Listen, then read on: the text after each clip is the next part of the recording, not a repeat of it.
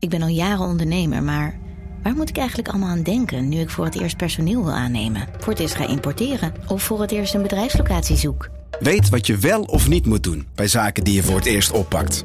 Check kvk.nl voor praktische stappenplannen. KVK, hou vast voor ondernemers.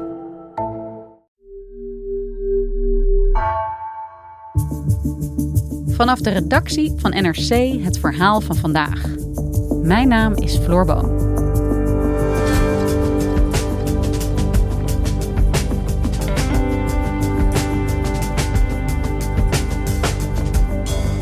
In Turkije loopt de inflatie zo hard op dat voedselprijzen door het dak gaan en een groeiende groep Turken nauwelijks nog rondkomt.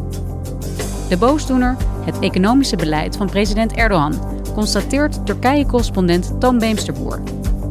Wat betekent dit voor de Turkse bevolking? En wat zijn de gevolgen voor Europa?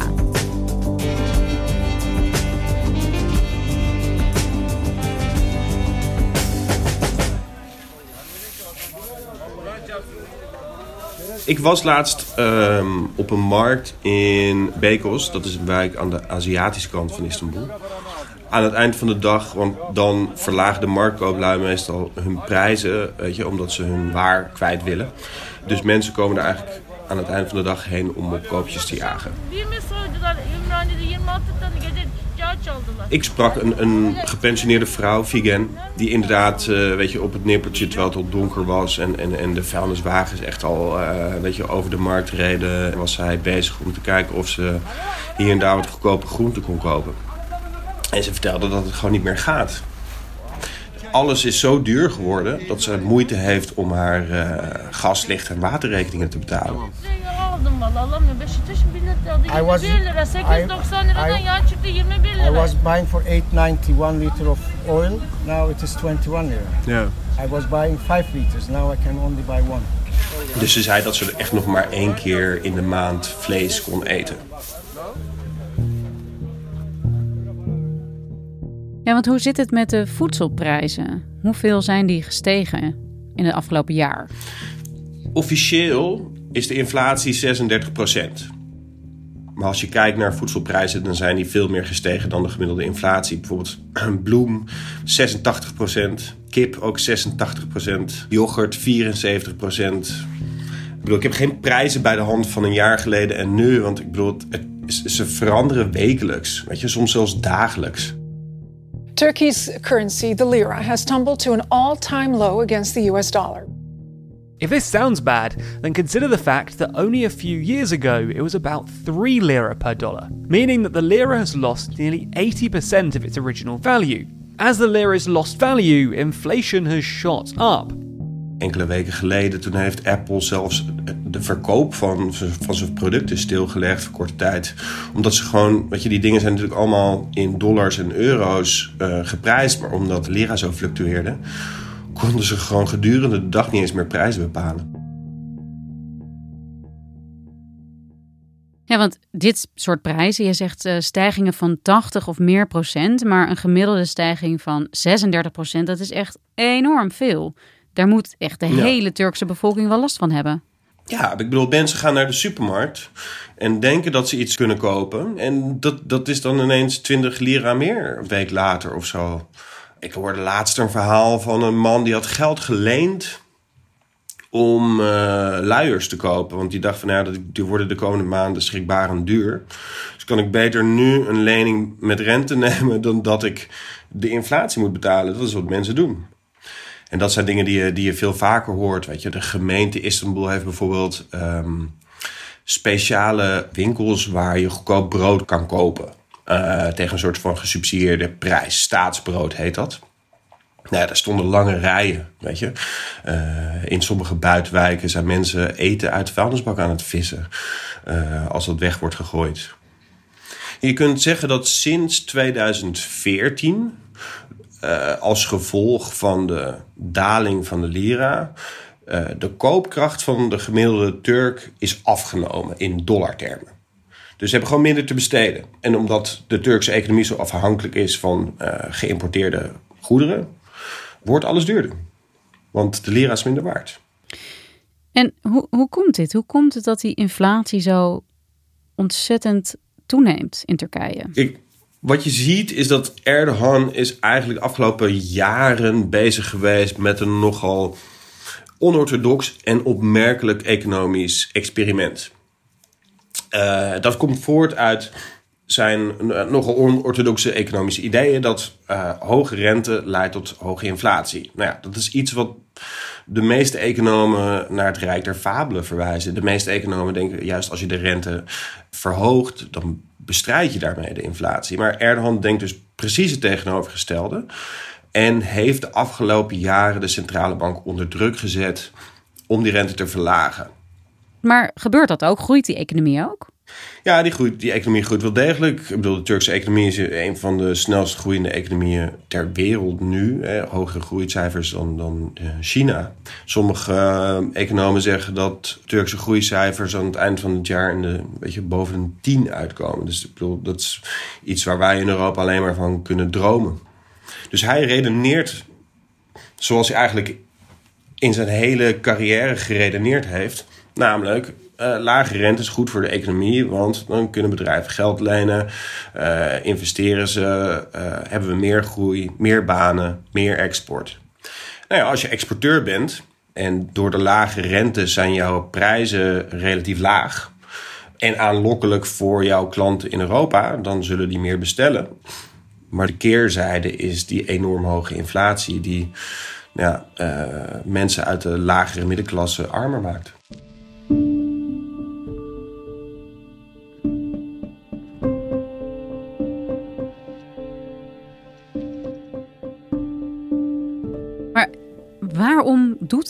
Dit en voor wie doet hij het? Want als het grootste deel van zijn bevolking er armer van wordt en er maar een klein deel van profiteert, waarom doet hij dit dan?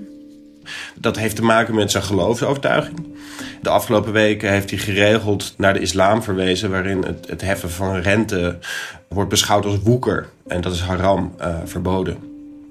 Dus uh, die lage rente lijkt aan de ene kant voor te komen uit zijn geloof. En aan de andere kant gewoon uh, simpelweg het aanjagen van de economie in aanloop naar de superbelangrijke verkiezingen van 2023. Uh, dat zijn parlements- en presidentsverkiezingen. Ik denk dat hij gewoon heel erg naar de cijfers kijkt. Dus hij ziet, laten we zeggen, 8% groei. Zijn doel is om Turkije een van de tien grootste economieën ter wereld te maken. Daar heb je groei voor nodig en behoorlijke groei ook. What we're doing might be politically very risky, but it's the right plan for our country and our nation.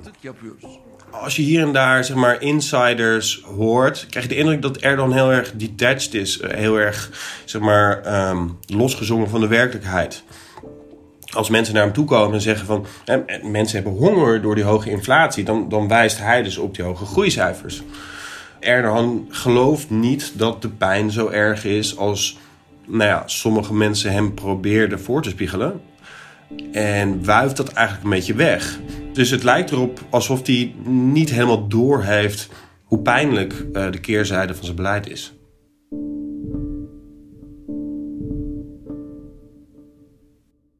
Dit klinkt mij zo onlogisch in de oren eigenlijk. Erdogan voert een beleid dat een groot deel van zijn bevolking helemaal niet ten goede komt. Wordt hij door niemand in zijn regering meer gecorrigeerd?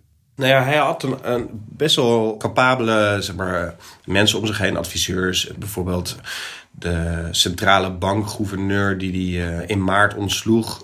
Maar die mensen die zijn langzamerhand ofwel ontslagen of zijn zelf opgestapt of hebben zich aangesloten bij de oppositie. Dus die mensen zijn verdwenen.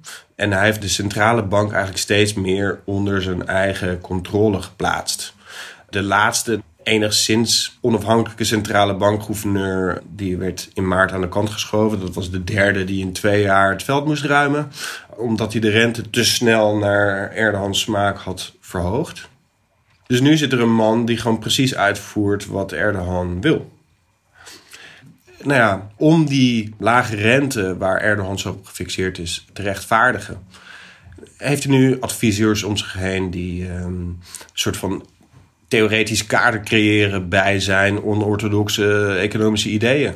Wat Erdogan dan zijn nieuwe economische model noemt, dat gaan ze tot in de treuren uitleggen in beleidstukken en zo. Dus nu heeft hij alleen nog maar ja-knikkers om zich heen. En, en, en dat begint zich nu heel erg te wreken. Maar hij is eigenlijk in een soort machtsvacuum beland. Ja, kijk, hij, Erdogan gaat er prat op dat hij zelf economie heeft gestudeerd.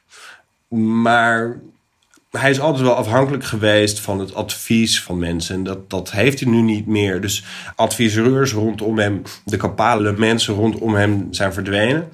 En wat je terugkrijgt is uh, meer, meer repressie. Kijk, uh, Erdogan geeft bijvoorbeeld supermarkten en tussenhandelaren de schuld van de prijsstijgingen. Ik liep laatst in de Carrefour bij mij in de wijk. En er loopt dan vijf man uh, van de wijkpolitie van schap naar schap. Met werknemers van de supermarkt in een kielzog. Die zijn alle prijzen aan het checken. Ja, en hoe lang kan Erdogan dit dan volhouden? Waar gaat het naartoe? Ja, dat is een moeilijke vraag. Kijk, ik woon hier al vijf jaar. En zolang ik hier woon, heb ik altijd gehoord dat Erdogans economische beleid ergens down the road voor een enorme crisis zal zorgen. Tot dusverre is het niet gebeurd. Weet je, het is een soort van slow motion trainwreck, zo je wil. Maar goed, nu lijken we toch wel echt aan de rand van de afgrond te staan. Weet je, nu gaat het echt heel snel. Het lijkt me dat een land dat niet eindeloos kan volhouden, op een gegeven moment gaat daar toch iets gebeuren. Gaat de bevolking misschien in opstand komen? Wat, wat betekent dit voor zijn populariteit? Erdogans ideeën zijn zo, klinken zo vreemd in de oren van veel investeerders dat als hij een speech geeft, dan zie je gewoon de lira dalen. 10 lira olacak. Enflasyon %30'ı aşacak. Bankalarımız tökezleyecek. Hazinemiz iflas edecekti. Er is een duidelijke zeg maar, correlatie tussen de hoge inflatie en de dalende lira en Erdogans populariteit. Nu is zijn uh, job approval rating, zoals het dan heet, 39% geloof ik. Nou, dat is het laagste sinds 2015.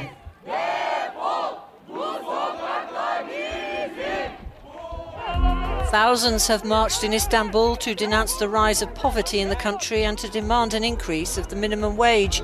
Turkey is suffering a currency calamity because the lira hit record lows against the dollar. Je kunt concluderen op basis van die peilingen dat zijn populariteit tanende is en die van, van zijn AK-partij ook. En nou ja, de steun die vertaalt zich ook niet direct in meer steun voor de oppositie. Dus je ziet dat uh, mensen zijn wel teleurgesteld in de AK-partij, uh, maar zien nog niet een oppositiekandidaat die ze als een betrouwbaar alternatief zien, zeg maar. Dus er zijn heel veel zwevende kiezers op dit moment. Ja, want wie is van oudsher zijn achterban? Wat zijn dit ook de mensen die nu worden getroffen door dit beleid? Ja, het is heel idioot, maar het is precies een achterban. Ik het zijn gewoon mensen uit de lagere middenklasse, zeg maar. De, de, de arbeidsmigranten die de jaren 60, 70, 80 eh, naar de grote steden zijn eh, verhuisd van het platteland op zoek naar, uh, naar werk en een beter leven. Eh, mensen als, als Vigen op de markt, weet je wel, die voelen zich verraden. Eh, zoals een, een, een, een schroothandelaar uit Riese op die markt eh, tegen me zei van ja, gewoon heel grof in de mond hij zei eerst sarcastisch van... Uh, ja, nee, de AK-partij vindt hem geweldig. Maar toen uh, liet hij het achterste van zijn tong zien. Zei van, nee, ik maak een grapje. Ze hebben ons verneukt. Dit betekent hun einde. Ben çok memnunum AK Parti'den. Partiden demiyorum, fiyattan diyorum ya. Siktir bizi bırakmışlar beni. AKP faktas, you know, what is, is there to say? Ama bize son, son, son, son. This is their last election. They are, they are, they are son, son. Hmm. Veel mensen denken dat het inderdaad het einde inluidt van, uh, van Erdogan. Maar goed, ik heb in de vijf jaar dat ik hier zit wel geleerd dat je Erdogan nooit te vroeg moet afschrijven. Weet je, hij is een enorm goede campaigner. En een deel van die kiezers die hebben toch een emotionele band met hem opgebouwd. Uh, veel zal afhangen van zeg maar, de, de nieuwe generatie, generatie Z. In 2023 gaan 7 miljoen jongeren voor het eerst, uh, kunnen voor het eerst stemmen. Wauw, 7 miljoen jongeren op een bevolking 7 miljoen, ja, op, op uh, 53 miljoen uh, stemgerechtigde kiezers, geloof ik. Dus een behoorlijk aantal. Uh, dus die zullen, die zullen waarschijnlijk de, de verkiezingen bepalen. En onder jongeren is Erdogan een stuk minder populair dan onder hun ouders.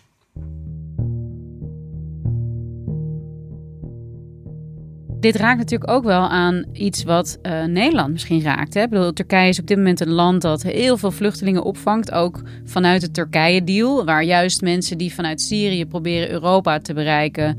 Uh, in Turkije uh, worden ja, gehouden eigenlijk. Heeft dit beleid, ook dit economische experiment van Erdogan. ook nog extra gevolgen voor Nederland of voor de rest van Europa? Ja, dat, dat zou kunnen. Kijk, het is nu wel heel moeilijk geworden.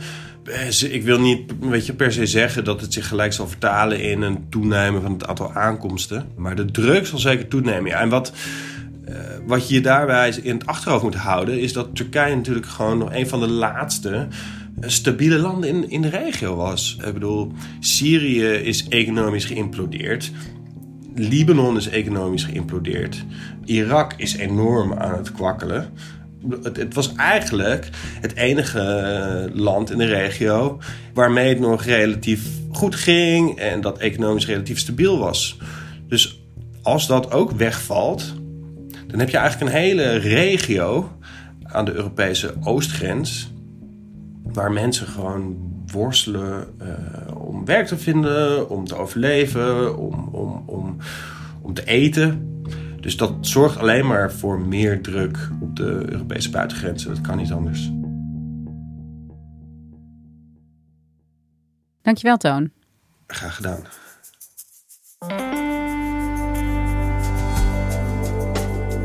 Je luisterde naar vandaag, een podcast van NRC. Eén verhaal, elke dag. Deze aflevering werd gemaakt door Gabriella Ader, Julia Vier en Jan-Paul de Bond. Dit was vandaag. Morgen weer.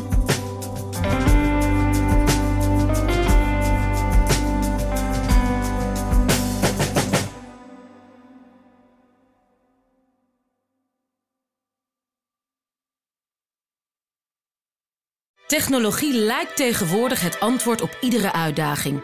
Bij PwC zien we dit anders. Als we de potentie van technologie willen benutten, kunnen we niet zonder een menselijk perspectief. Human-led, tech-powered noemen we dat. Ga naar pwc.nl.